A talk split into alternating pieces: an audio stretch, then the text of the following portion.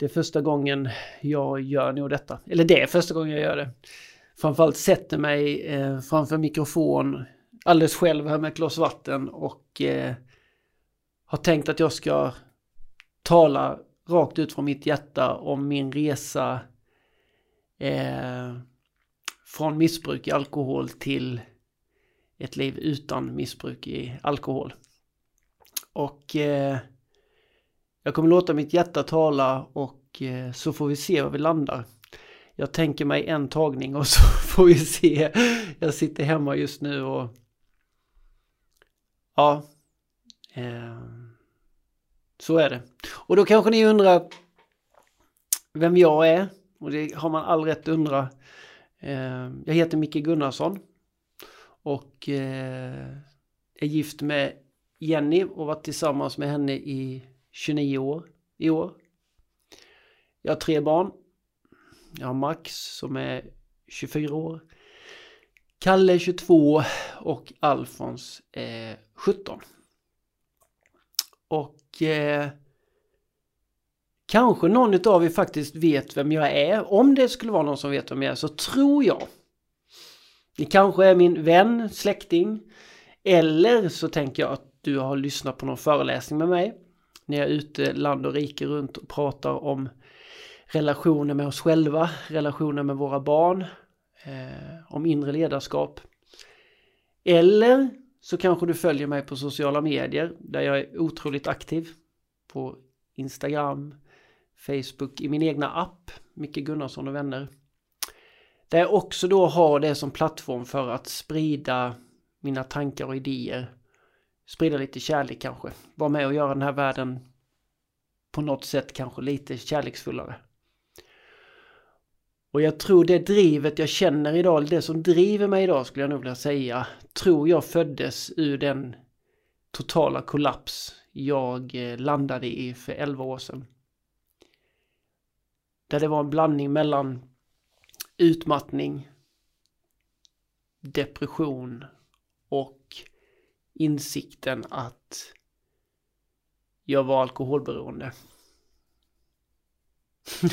Detta kommer bli rätt jobbigt känner jag. Ursäkta mig men ja. Um. Men om vi, om vi rullar tillbaka bandet. Jag kan säga i, idag också så jobbar jag ihop. För ofta frågan vem är man? Då ska man svara med jobb. Jag tycker det är rätt tråkigt. På ett sätt skulle jag idag på ett djupare sätt säga att jag är liv. Men vi måste ju ändå göra det enkelt för oss. Jag, jag driver tillsammans med min fru ett ett företag, en plattform i företagsform eh, som heter Barnatro och där vi bestämde mitt i all den kris och den vägen framåt som skapades för 11 år sedan så bestämde vi efter ett tag att vi ville prova att göra något tillsammans. Att eh, ta tillbaka livet och eh, även göra det till vår livsuppgift och yrke. Så tillsammans har vi drivit eh, vår verksamhet i, i snart 11 år, ja 10 år. Där vi båda två då på olika sätt försöker inspirera. Mm. Om vi skulle gå tillbaka, spola bandet tillbaka till när jag växte upp. Så har jag växt upp med mina två syskon, stora syster och lillebror. Och två föräldrar och de var alltid tillsammans. Det var mina, mina biologiska föräldrar för min del. Hela, hela mitt liv. Mamma finns inte med mig idag, hon finns i mina tankar men pappa finns kvar. Och eh, med respekt både till mina föräldrar och mina syskon så tänker jag inte gå så djupt in eh, i hur min uppväxt var. Men jag kan säga som så att eh, jag har alltid känt mig älskad av mina föräldrar fantastiska föräldrar. Så mycket kärlek och bus och liv.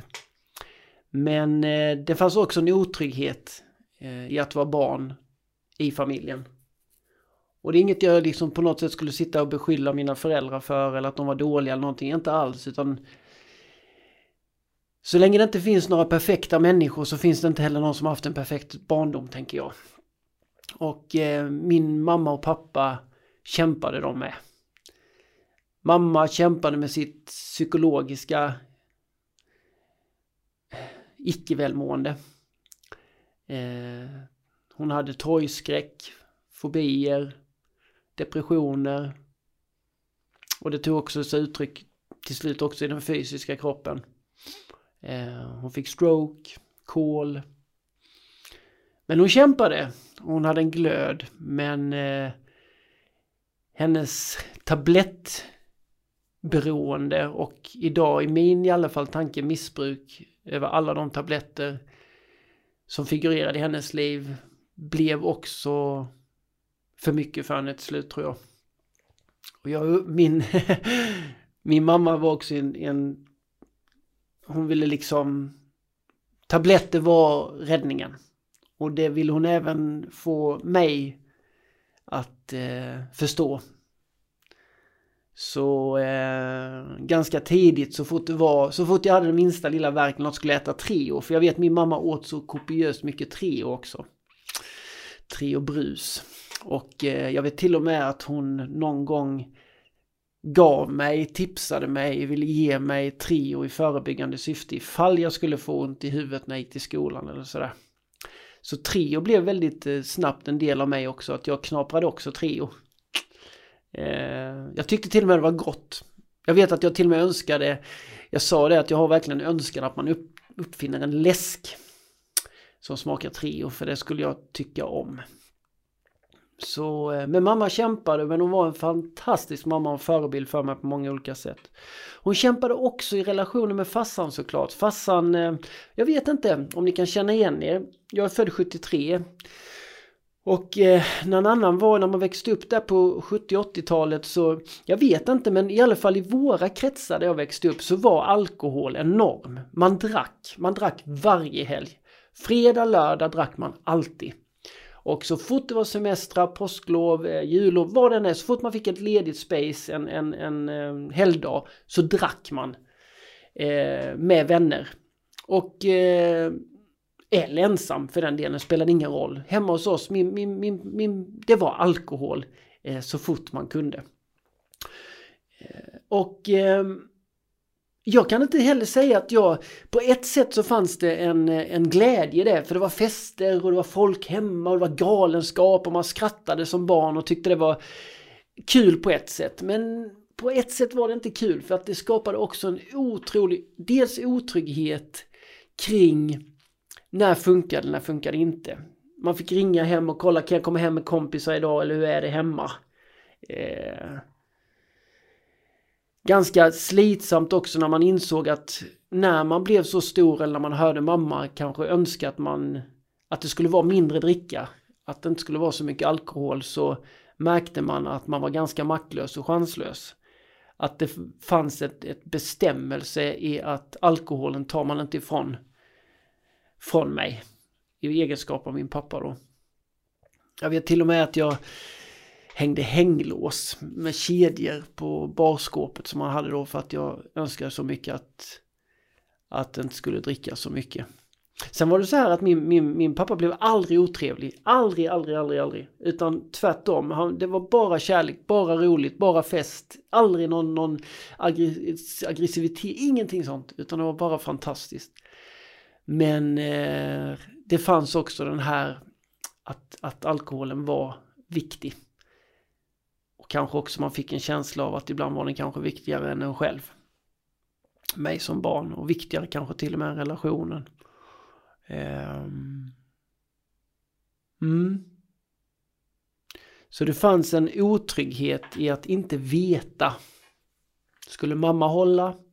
Skulle hon kunna gå ut och hjälpa mig när jag fick stryk på lekplatsen? Eller stod hon denna gången också och bara skrek i fönstret? Och hoppas på att någon annan kunde hjälpa mig? För att man inte kunde gå ut. Och det fanns också en otrygghet i, i pappa på ett sätt. Eh, kring att märka att eh, han kunde inte garantera mig nykterheten. Typ så. Och det har varit mycket, det är klart det har varit mycket frustration och ledsamhet och ilska i min, min uppväxt kring det här men med den resan jag själv har gjort som jag vill också berätta om här såklart så, så har jag också kommit till, eh, vad ska jag säga, en, en, större förståelse, empati och kärlek i det här. Eh, och idag så har jag absolut ingen aggression eller ehm, något dömande eller att jag inte skulle förlåta mina föräldrar. Ingenting sånt utan jag ser bara kärlek i mina föräldrar. Och jag vet att de gjorde exakt vad de gjorde. Exakt vad de kunde göra och jag är jättenöjd med allt det de gjorde. Jag hade inte varit den människa jag är idag utan dem. Eh, men som sagt var den grund, grundplattformen utav, av kärlek och bli sedd och på något sätt ändå respekterad. Så där har vi lite bilden av ett, en festande barndom.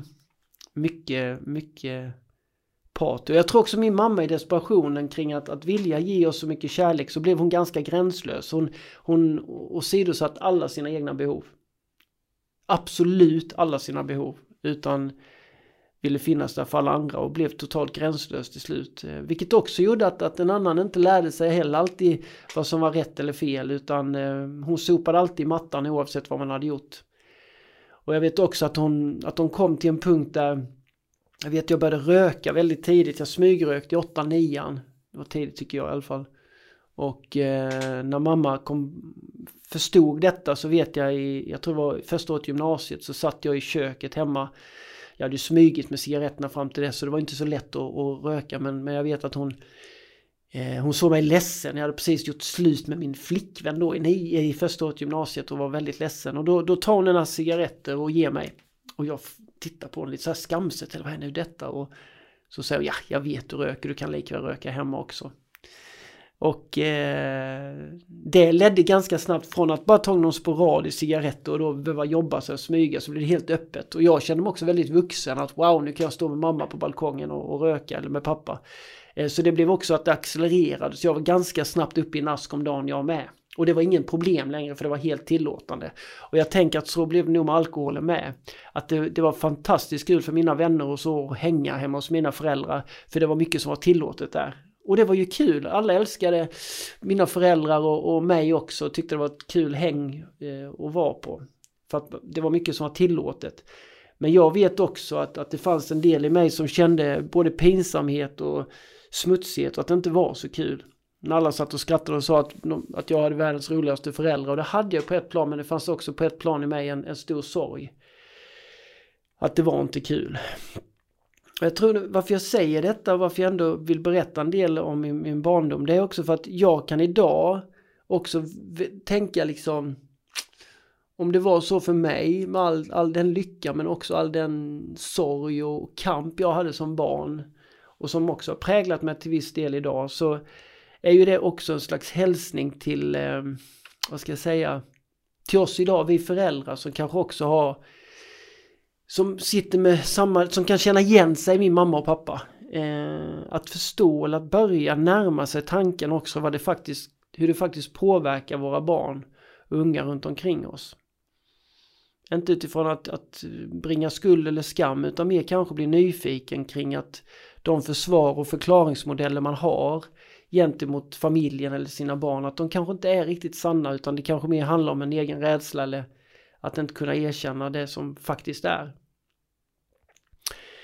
Eh, så att man kan säga när jag växte upp sen i tonåren och fram till att bli någon slags ung vuxen så eh, blev alkoholen även för mig eh, en naturlig del. Och det kan tyckas låta konstigt i och med att jag tyckte det var så jobbigt med mamma och pappa och, och drickan och tabletter och, och, även rökning. Jag vet jag gjorde ett specialarbete till mina föräldrar i åttonde klass. Jag till och med stod och grät framför dem när jag läste upp mitt eh, liksom, specialarbete i skolan som just handlar om rökningen, vad det gör med kroppen. Och jag, jag berättar för mamma och pappa liksom hur det, hur det liksom, allt farligt, lungorna, att de skulle dö, allt det här. Och sen ungefär ett halvår senare så började jag själv röka.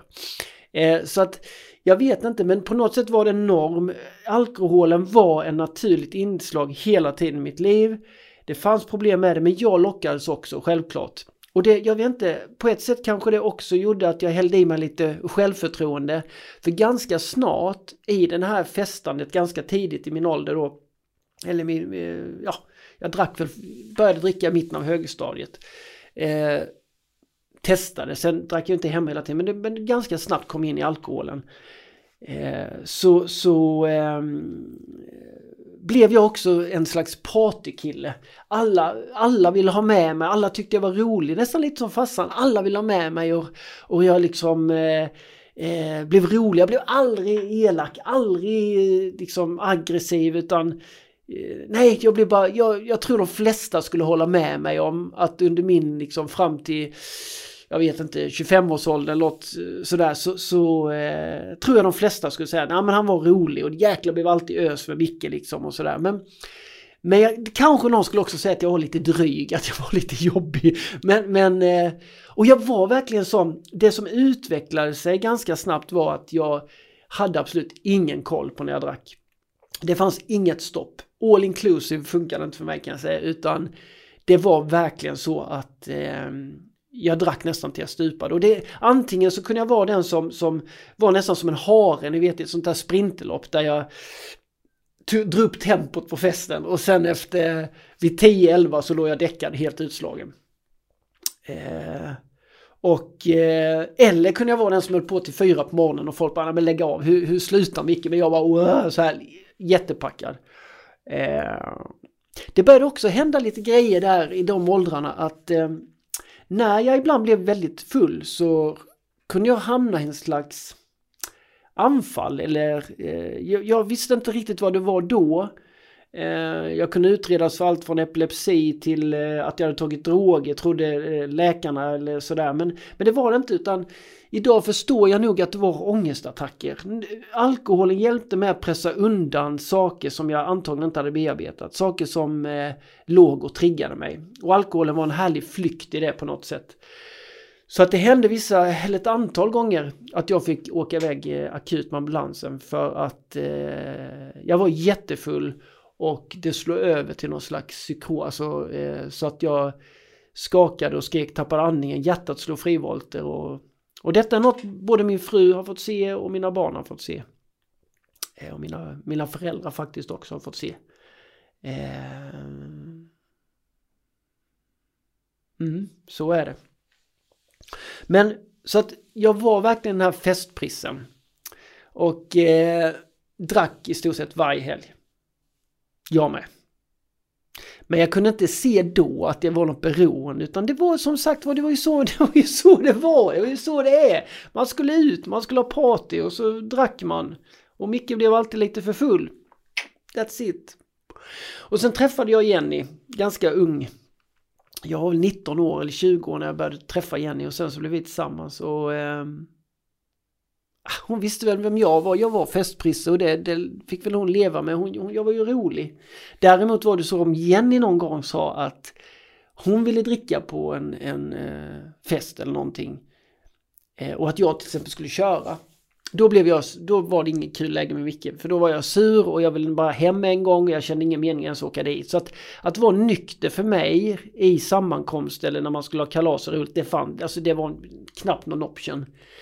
Eh, vilket också ledde till att Jenny ganska snart fick lägga sin, sin njutning av ett glas vin eller eh, vad det nu kunde vara. Hon hade ju inte alls några problem. Hon, hon hade ju inga konstigheter med att vara nykter. Men någon gång så kanske hon ville ta ett glas vin eller en, en, en öl eller en drink eller vad det nu kunde vara. Men, men det fick hon sluta med ganska snabbt för att jag tog den platsen. Jag krävde den, den platsen på något sätt. Eh, och eh, detta ledde så, så i det här liksom, vi blev föräldrar tidigt. Max kom. Eh, han kom då 97. Eh, vi var inte så gamla då. Och två år efter kom Kalle. Och här någonstans hade vi också drivit upp liksom arbetsliv, jag hade kommit in i karriären, jag, jag var väldigt, tror jag man skulle nog kunna säga det, framgångsrikt. Och jag drevs rätt mycket av det här med, med karriär, pengar, upplevelser, driva projekt, starta företag, eh, jobba med ja, utveckling. Så att jag var otroligt driven i min energi. Och det har jag nog alltid varit. Men eh, och i detta så var jag borta ännu mer och mer från, från mina, eh, min familj. Jag reste mycket, jag hade också börjat föreläsa till viss del. Eh, så att det var, det var ett jädra högt tempo. Och vi skulle renovera hus och ja, jag kan säga att jag, jag sprang ordentligt ifrån mig själv. Och Jenny fick ta ännu mer och mer last hemma och när jag kom hem och det var helger så var väl alkoholen e, ett, e, ett fantastiskt sätt för mig att både då såklart ha kul Men också, inser jag idag, verkligen ett sätt att kunna fly från det liv jag levde. Så det blev någon slags, det blev liksom någon slags ond, ond eh, cirkel där. Eh, och det började bli mer och mer. Eh, jag vet inte om man, jag vet inte om om man ska liksom berätta saker man har gjort eller som man... Jag kan ändå, jag, jag, jag vill faktiskt det känner jag i mitt hjärta att eh, jag måste om inte annat vilja erkänna för mig själv och, och, och försöka också förse mig, eller försäkra med mig själv att jag inte känner skuld eller skam i detta. För det gör jag inte. Jag kan inte känna det längre. Jag gjorde nog det innan och det, det gjorde ju också i och med att alkoholen drog ut mig på sådana omedvetna äventyr. För det är ju det som händer med alkoholen. När vi har druckit eller berusat oss så pass så kan vi, jag skulle nästan vilja säga så här, vi kan inte stå till svars för våra handlingar längre. Det går inte att anklaga en, en berusad, en grovt berusad människa eller påverkad människa för den, det, det den gör. För man är inte där. Eh, och jag menar, jag, jag kan se, till exempel jag var på kalas med, hos min syster. Eh, ja, jag inte bara... Jag var, jag var på kalas hos min syster. Vi var där hela familjen. Då fanns inte Alfons, men jag och... Nej, det var bara jag och Max faktiskt och eh, Jenny. Kalle hade inte... Jo, det hade han. Kalle fanns också då, men jag tror inte han var med. Jo, så förlåt. Jenny och jag, Max och Kalle var där. Och då var inte de gamla. De kan ha varit fem sex år. Max var det säkert max fem sex år. Och i alla fall, eh, jag började bli för full ganska tidigt. Och Jenny hade börjat också komma till, hon orkade inte mer. Så att hon, eh, hon ville hem. Men det ville inte jag. Och jag var inte redlig, men jag var, jag var, jag var inte alls nykter. Så att hon eh, bestämmer sig för att åka hem och hon tar Kalle med sig. Men Max, Max vill, på något sätt vill vara kvar. Jag vet inte om det var liksom att de andra sa han kan vara kvar, det är lugnt, han lekte väl med någon där och sådär, kusinerna. Jag vet inte riktigt hur det var. Eh, och varför jag inte vet hur det var, det är för att jag minns inte. Utan detta är saker som folk har fått berätta i efterhand till mig hur det var. Och då trodde jag inte på det. Men i alla fall, det, det, det landar i att jag blir jättefull och eh, till slut får åka hem med en taxi med Max. Och eh, han sitter i baksätet, jag sitter i framsätet tror jag det var, då vi båda satt bak. Och jag är så full så när taxin kör iväg så däckar jag helt borta. Helt borta, får inget liv i mig. Så lilla Max, fem år, sex år, får sitta och försöka vägleda taxichauffören de fyra, tre, tre milen hem till vår by där vi bodde. Att han skulle köra ditåt och sen, jag trodde det så. Men vi kom hem och Jenny bär ut mig ur, ur taxin och eh, tar in mig då i huset. Eh, och varför jag säger det är just för att det ju, finns ju inte en enda människa som ser på detta som skulle säga men det så kan man väl göra eller skulle försvara det eller kunna ens förklara hur man kan göra en sån grej. Och det var bara en grej i raden, men skitsamma. Men, men för mig är det viktigt och eh, för det också visar på att när det har gått så här långt så är du inte, du är inte medveten kring dina beslut. Utan beslutet måste tas innan i så fall. Innan man går på festen, om man ska dricka eller inte. Särskilt de problemen jag hade. Men jag var inte där, jag var inte förmögen till det. Så att fram till dess, dess så hade ändå alkoholen som det var, som det varit i min uppväxt, det höll sig till helgerna lediga dagar. Jag skötte mitt jobb perfekt. Jag, jag är verkligen duktig i det jag gjort alltså. Men eh, fest var det på helgerna. Men jag såg absolut inte att jag hade något problem med det. Eh, utan det blev ibland bara lite för mycket. Medan Jenny där såklart började känna att det blev mer och mer. Och sen kom Alfons också till livet, eh, vår tredje barn. Och jag jobbade ännu mer, ännu mer och eh, alkoholen fanns med mig. Och det som hände till slut när jag var ute och föreläste en, en hel del så började jag också i min ensamhet i den friheten att vara ensam ute på turnéer eller på, på uppdrag att eh, börja dricka eh, även när jag var iväg. Och jag vet att det var inte, jag, jag, var försiktig för jag drack inte något starkare utan jag kunde hålla mig faktiskt, jag kunde gå ner till en Statoilmack och köpa sexpack eh, 3,5 då som det var och kunde berusa mig på det. Eh, så det kunde jag sitta på, hotell, på hotellrummet och göra. För jag var ändå väldigt klar över att jag ville göra ett bra jobb och en bra prestation. Men jag hade det här kring mig att jag började pimpla alkohol. Och jag vet också någon gång när jag var, när jag var bortbjuden eh, på uppdrag då att hem till arrangör eller sådär. Så vet jag vissa gånger att jag frågade efter alkohol och jag, jag kunde liksom göra det på ett sånt idag pinsamt sätt även när alla skulle gå och lägga sig och säga nej men då slår vi ihop boken och så jobbar vi imorgon då. Jajamän, så jag, du har du en liten extra öl till mig eller något. Så det började också tära på, på eh, i vardagen. Och eh, jag kom också till ett läge där jag blev erbjuden ett fantastiskt jobb. Eh, som jag kände, wow vilket drömjobb. Och jag, det var en kompis som hade tipsat mig han kände, eller han hade själv varit på den här verksamheten och, och sa att eh, eh du skulle vara perfekt för det jobbet. Jag bara kände shit, det är verkligen ett drömjobb för mig. Och eh, jag sa jag kommer nog söka det. Men så hörde min kompis av sig och så sa han Du, det här jag sa att du är perfekt för det jobbet. Det kan bli, det kan bli struligt för dig för, faktiskt för att få jobbet. Ja, jag sa men det är väl hård konkurrens. Ja, sa han, det är nog inte det utan jag pratade lite med min chef och han är lite orolig eh, för att han eh, han har fått för sig eller han, han eh, anar att du har alkoholproblem. Och jag minns när, jag, när, när den meningen kom till mig så växtes en sån vrede i mig.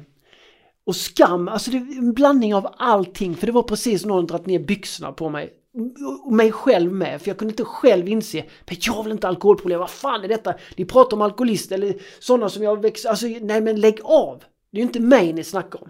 Men samtidigt börjar något ledsamhet gro i mig. En väldigt stor ledsamhet, nej är det, är det verkligen så här? Och det var en ganska lång process till det här jobbet och, och, och så. Eh, men jag, jag kunde liksom inte, nej jag kunde inte förstå att det var så. Nu kanske jag blandar ihop lite tidsperspektiv så det är ibland lite rörigt men, men i alla fall det blev för mycket. Och vi kom också till en punkt faktiskt där eh, Jenny, min underbara fru och livspartner gav mig ett ultimatum där hon sa att det här funkar inte längre. Utan jag älskar dig och jag tycker du är fantastisk och allt det du gör och allt det du hittar på med jobb och allting. Men det här funkar inte. Hon orkar inte mer.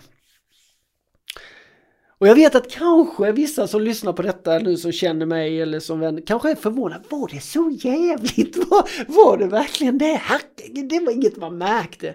Nej, exakt. Och jag tror det är så i så sjukt många mer hem än vad vi tror. Att det är inget man märker utan man blir ganska duktig på att eh, se till att det funkar. Och det är ju inte det att man, man vill ju verkligen ha ett gott liv. Man vill ju leva bra. Man vill jobbet med familjen men man har det här jävla, rent ut sagt, oket kring sig. Den här bojan som drar en till platser som man absolut inte egentligen vill vara på. Men man kan inte stå emot. Jag kunde inte det.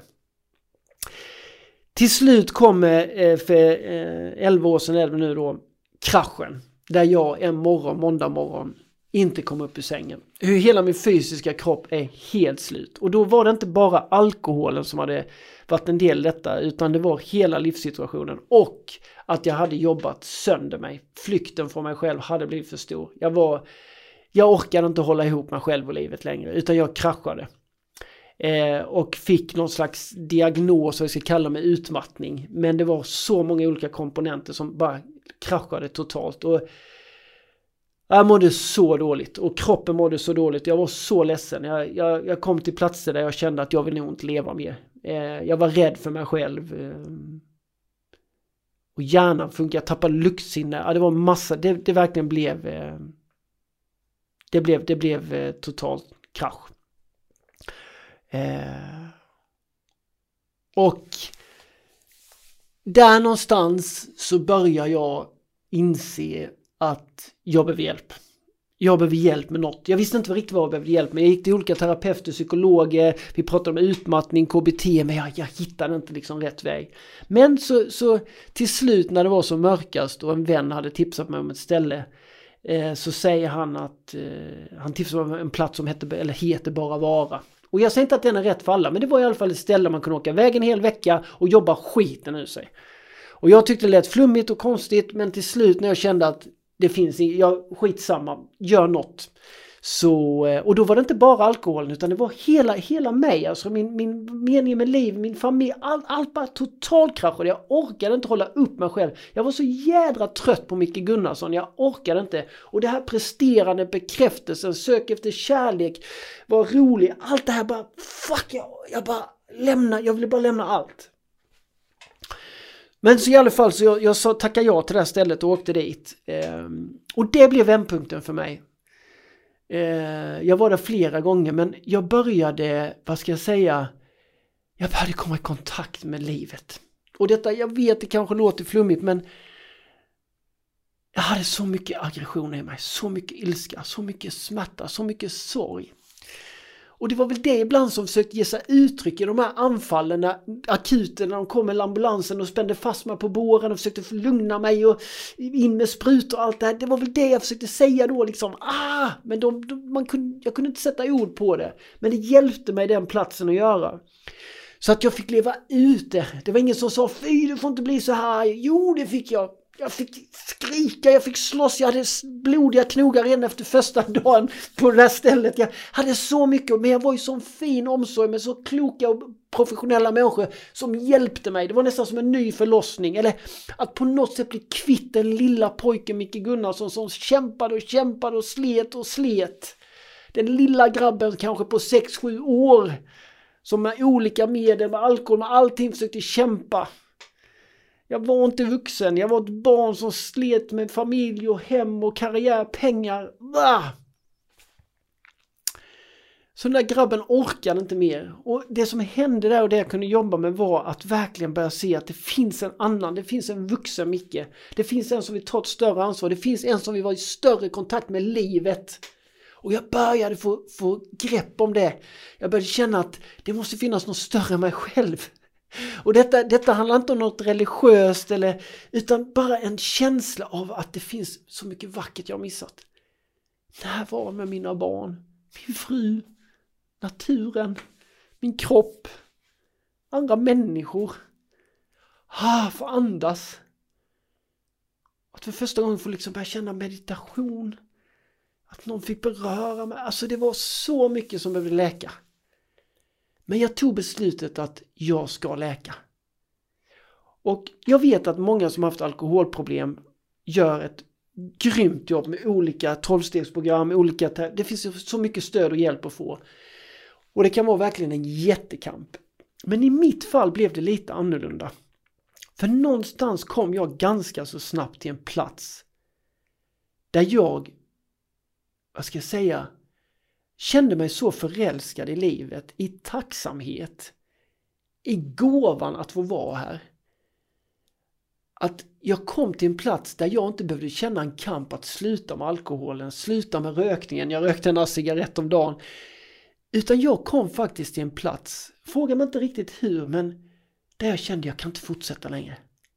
Det var ungefär som om jag hade i hela mitt liv spelat hockey och haft skridskor på mig och klubba och skydd och allting och sen gå ut på en fotbollsplan och bara känna Nej fan det här funkar inte, här kommer jag inte fram. Jag kan inte ha skrille på mig längre. Jag måste ta av mig dem.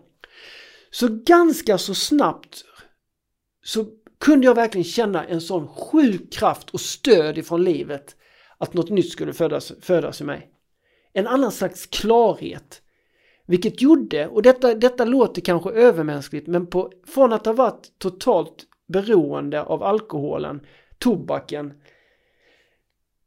under så lång tid, så på en dag så la jag tobaken. Och några veckor senare så la jag helt alkoholen åt sidan. Och det är ungefär 10-11 år sedan. Och sedan dess har jag varken rökt, inte tagit en dropp. Och det är så, som Alfons ibland säger, ska du aldrig mer dricka pappa? Jag säger det är inte det där, jag, jag skulle aldrig, jag vill inte använda ord som aldrig, inte heller ord som alltid.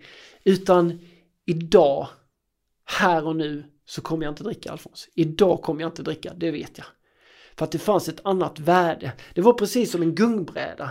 Att det började bli så mycket annat som blev så värdefullt i mitt liv som jag började kunna få se, få tag på, stanna upp, börja känna in. Så att allt det värdet blev så viktigt för mig så att det andra liksom rann av om ni förstår vad jag menar. Och ganska snabbt också började jag verkligen ta hjälp med det inre arbetet.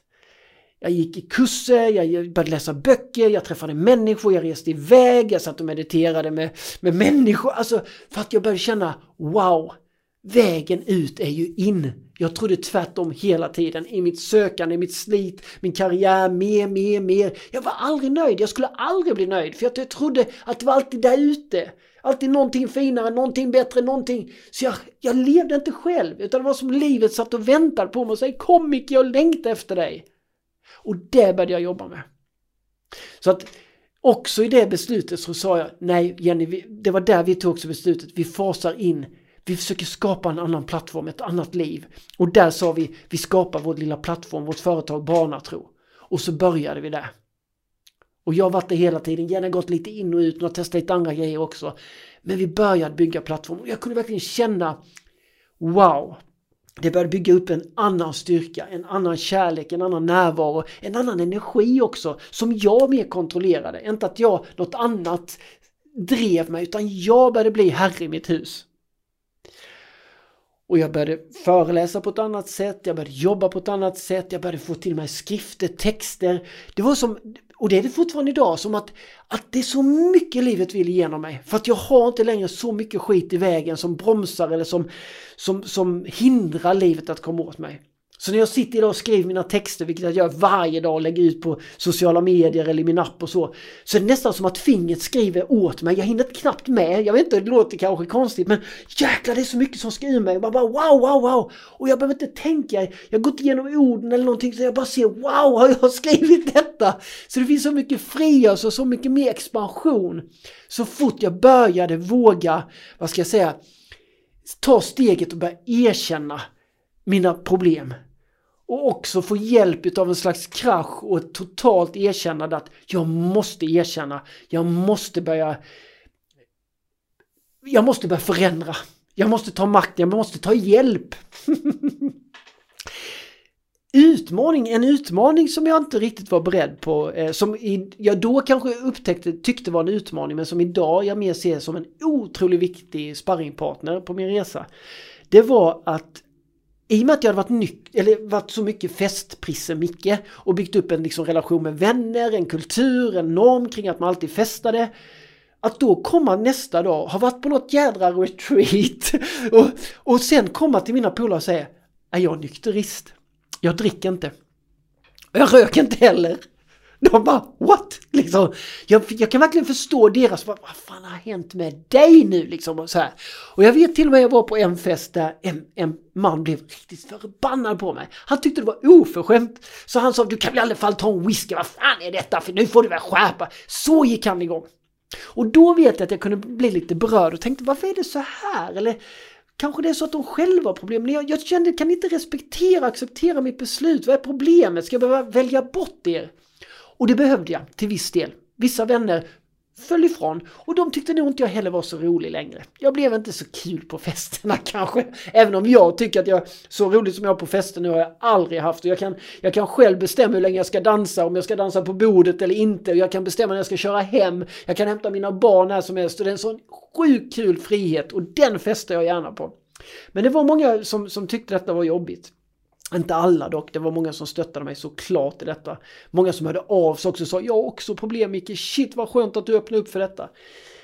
Eh, men, men det var vissa som också tyckte att det var jobbigt. Och idag, jag vet att ibland så kan jag komma i diskussioner när människor säger det är för jävligt så blir de arga och irriterade på de här människorna som inte, som hela tiden eh, motarbetar dem i deras nykterhet. Men jag skulle vilja vända på det idag och säga att det är sparringpartners. För det hjälper mig att också eh, testa min egen stabilitet i mitt e egna inre ledarskap. Hur vinglig är jag egentligen? Var, hur lätt outsourcar jag mitt egna välmående? Räcker det med att någon människa säger ah, fjantigt att du, att du inte dricker eller räcker det till och med med att det regnar ute för att jag ska, nej för jävla regn. Alltså hur lätt sabbar jag för mig själv? Eller som de brukar säga, det är lite som att hälla gift i sig själv och tro att alla andra ska dö. Och så kunde jag kanske leva mer innan. Att det var de yttre omständigheterna, det var chefen, det var jobbet, det var affärerna. Men det handlade ju så mycket om mig. Att jag var gränslös, att jag inte hade lyssnat på mina behov, att jag inte var sann mot mig själv. Men så försökte jag skylla det på de andra. Så att så tänker jag idag i allt jag möter i livet, att det är mitt gym. Att det, det också tränar mig. Hur lätt påverkat, hur lätt låter jag liksom exportera jag min egna inre välmående till att bli äh, så här och snacka skit eller döma eller... Alltså det är ju mig det händer. Det är inte de andra. Jag kan ju till och med sitta innan och vara förbannad på någon som körde förbi mig i bilen. Liksom jag sa det är för jävligt och de körde. Vet. Jag satt som en, en förpestad människa i min bil. De kanske var lyckliga, det kan vara ett lyckligt kärlekspar som var på väg till Ikea eller något. Men jag kunde bli monstret. Så jag insåg att jag sabbade för mig. Och det var ju det jag hade gjort under så många år. För jag var inte medveten, jag hade inte byggt upp det egna inre ledarskapet. Så att de, de här vännerna och det, det umgängena och de som tyckte jag började bli konstig. de var en jätteviktig sparringpartner för mig för att kunna stå så stark i min sanning. Och vidare då när jag började utveckla, började träna yoga, började meditera, började sluta äta kött. En massa grejer som jag kände att detta vill jag göra, detta vill jag göra för mitt välmående. Sen säger inte jag alla får göra som man vill, men för mig blev det en sanning. Så har det också varit viktigt att, att verkligen jag brukar säga så här, jag dör hellre pinsam än full av längtan. Jag tänker inte gå till ett liv och längta, utan jag vill verkligen göra och göra det jag kan göra för mig och för andra. Men det kommer alltid vara människor som tycker och tänker och tror om mig och då måste jag låta dem vara fria att göra det. Annars blir jag en diktator. Annars dikterar jag villkoren vad andra ska tycka om mig, vad de ska känna, vad de ska säga och det är inte jag intresserad av. Det var jag mycket mer intresserad av innan, men idag är jag inte det. Utan likväl som jag vill ha en fri vilja så måste jag också generöst ge den till andra människor. För vad andra människor tycker om mig, det har inte jag med att göra. Så att det är viktigt för mig att, att verkligen hitta den platsen. Eh, så jag började ju bli någon annan och jag, jag måste säga att jag, jag, den jag är mest, eh, de jag är mest eh, stolt, alltså de jag är mest tacksam för och, och verkligen ah, jag kan inte nog tacka dem, det är min familj, eh, i det stödet. Eh, stödet att eh, våga tro på mig.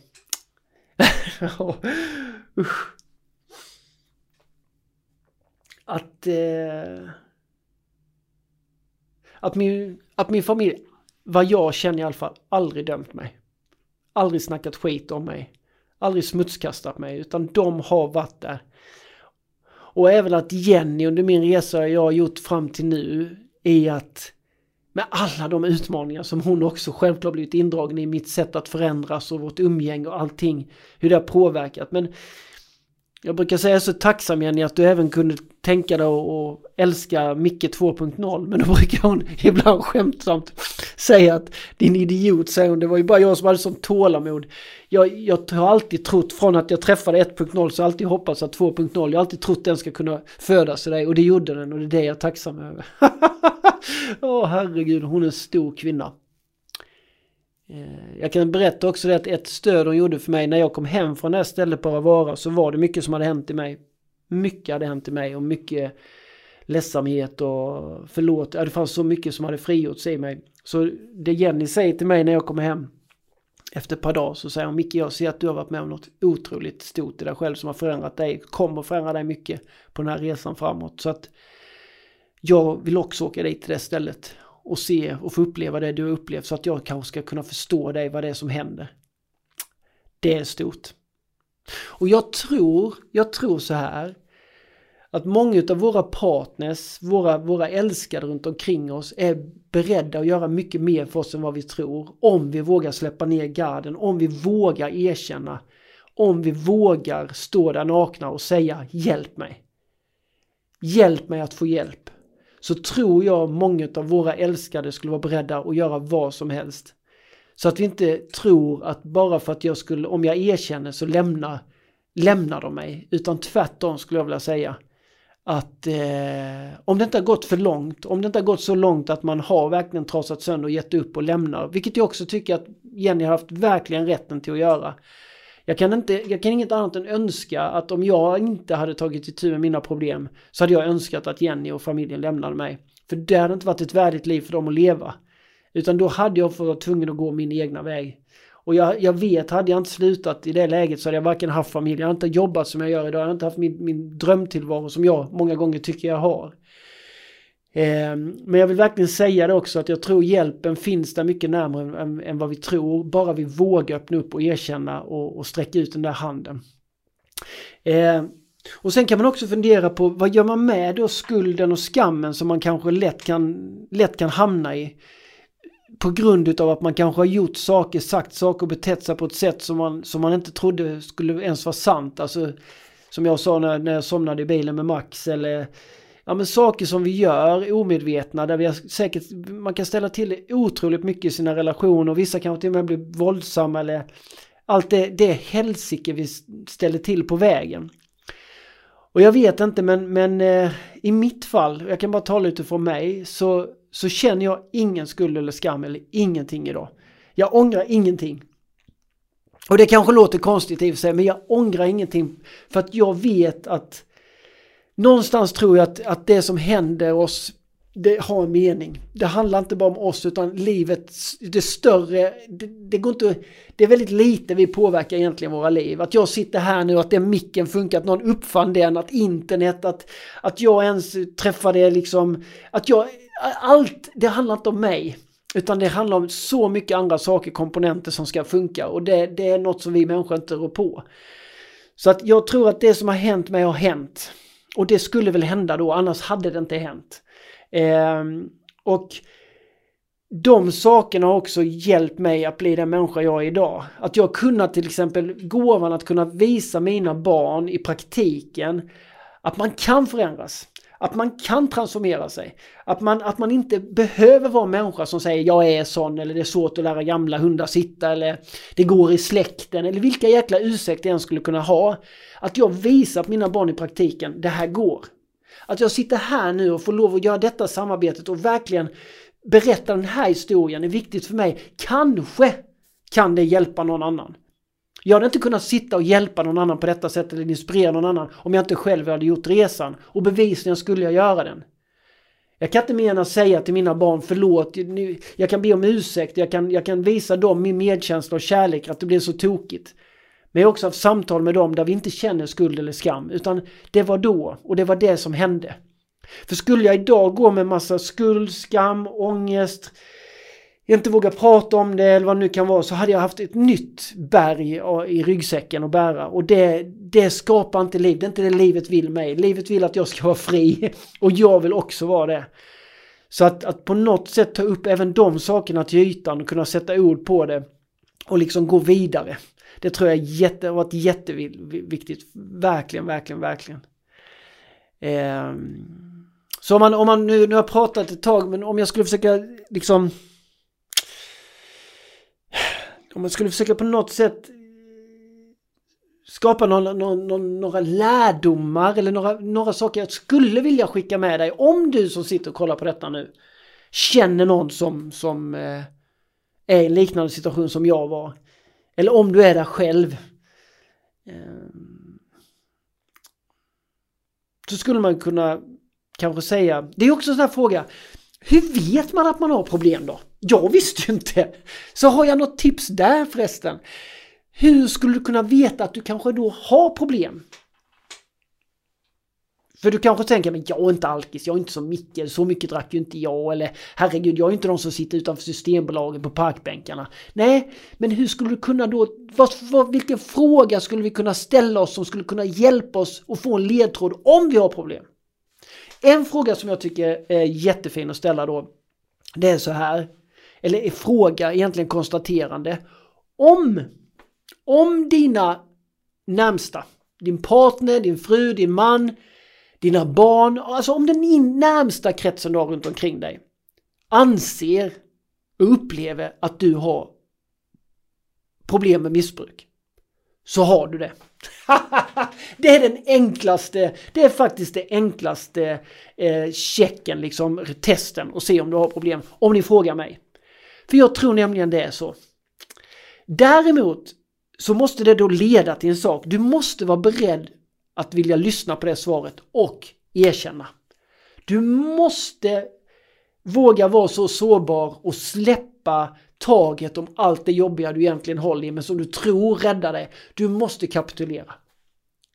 Det är väl den viktigaste saken som jag kom till, att jag kapitulerade.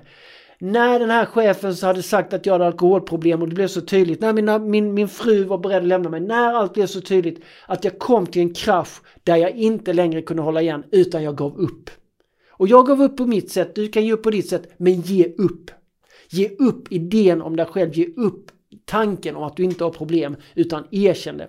Det är den absolut viktigaste nyckeln för att du ska kunna gå vidare. För att du ska kunna upptäcka livet, kärleken, relationerna, att få ett nytt liv. Du måste erkänna för dig själv. Om du vill ha en, liksom en förändring eller se en vändpunkt i ditt liv så måste du också vända vid en punkt i ditt liv. Du kan inte fortsätta. Och nästa lärdom som jag skulle då vilja också säga. Ta hjälp, sträck ut handen. Våga visa dig sårbar. Tro inte att du klarar detta själv. Försök inte vara någon jädra he-man eller he-she-man eller vad vi ska kalla det. Ta väck den tanken. Utan be om hjälp. Sträck ut då i så fall din hand till din partner och säg Hjälp mig. Eller låt oss hjälpas åt att hitta hjälp som kan hjälpa mig. För vi behöver hjälp. Vi behöver hjälp på den här vägen. Hjälp av modiga människor som inte dömer eller som inte är hatiska mot oss utan som vill se oss växa. Som vill se oss komma ut på andra sidan. Som vill möta oss där på olika sätt. Det kan vara som vän, partner, vad det nu kan vara.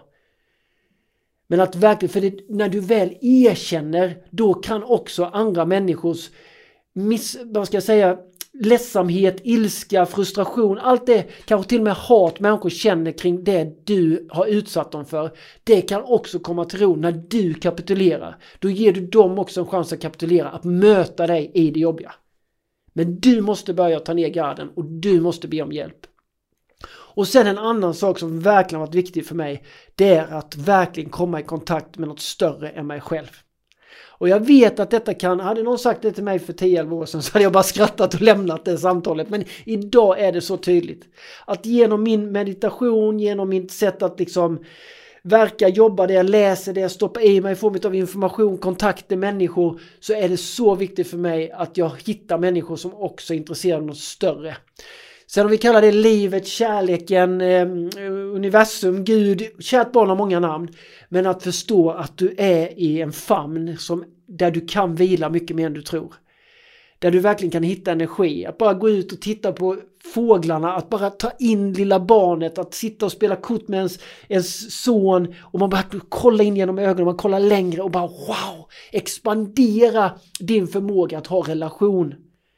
Det vi har relation till har vi mycket enklare att älska, ta hand om, att inte hata, döma. Så expandera, du kan skapa en relation till allt. Du kan lära dig att älska allt och alla. Du kan älska naturen, skogen, stenarna. Du kan verkligen ta dig till en plats inom dig själv där du blir så stor i din expansion och energi att allt blir möjligt att älska. Och det är i dig det, det händer. Och ingen kan ta det ifrån dig. Försök säga till mig, du kan inte älska mig. Chanslös! Jag älskar dig precis den du är. Oavsett vem du är som tittar på detta så kan jag känna kärlek. För jag har bestämt mig för det. Att expandera och skapa relation till livet, det vill säga allt. Och då kan jag inte döma. Det är lätt att säga till människor när man läser nyheterna, någon som har gjort något, bara sätt dem i elektriska stolar eller hugg huvudet av dem, skär kuken av dem, vad det nu kan vara. Men tänk om det varit mitt barn, hade jag sagt likadant då? Hade jag sagt sätt min son i, i elektriska stolen, skär han, hade jag gjort det? Nej, det, kun, det kan jag inte, för jag har en relation.